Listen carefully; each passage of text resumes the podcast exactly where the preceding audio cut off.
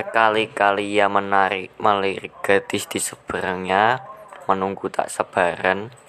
Kapan lagi ia turun makan siang? Serunya dalam diam.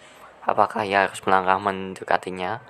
Lantas mengajaknya makan siang bersama, seperti yang selalu dengan dia angan-angankan. Tidak, ia tidak pernah memiliki keberanian untuk melakukannya.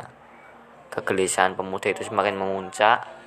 Istirahat siang 30, 30 menit Ayolah berdiri, mohonnya dalam-dalam. Ia menangkupkan kedua telapak tangannya dan akhirnya wanita itu berdiri juga dari tempat duduknya. Ya Tuhan, semoga ia melewati kuplis. God, si pemuda bersuara penuh harap. Tentu saja gadis itu harus melewatinya karena pintu keluar terletak dekat mejanya. Suara sepatu gadis itu terdengar memenuhi gendang telinganya.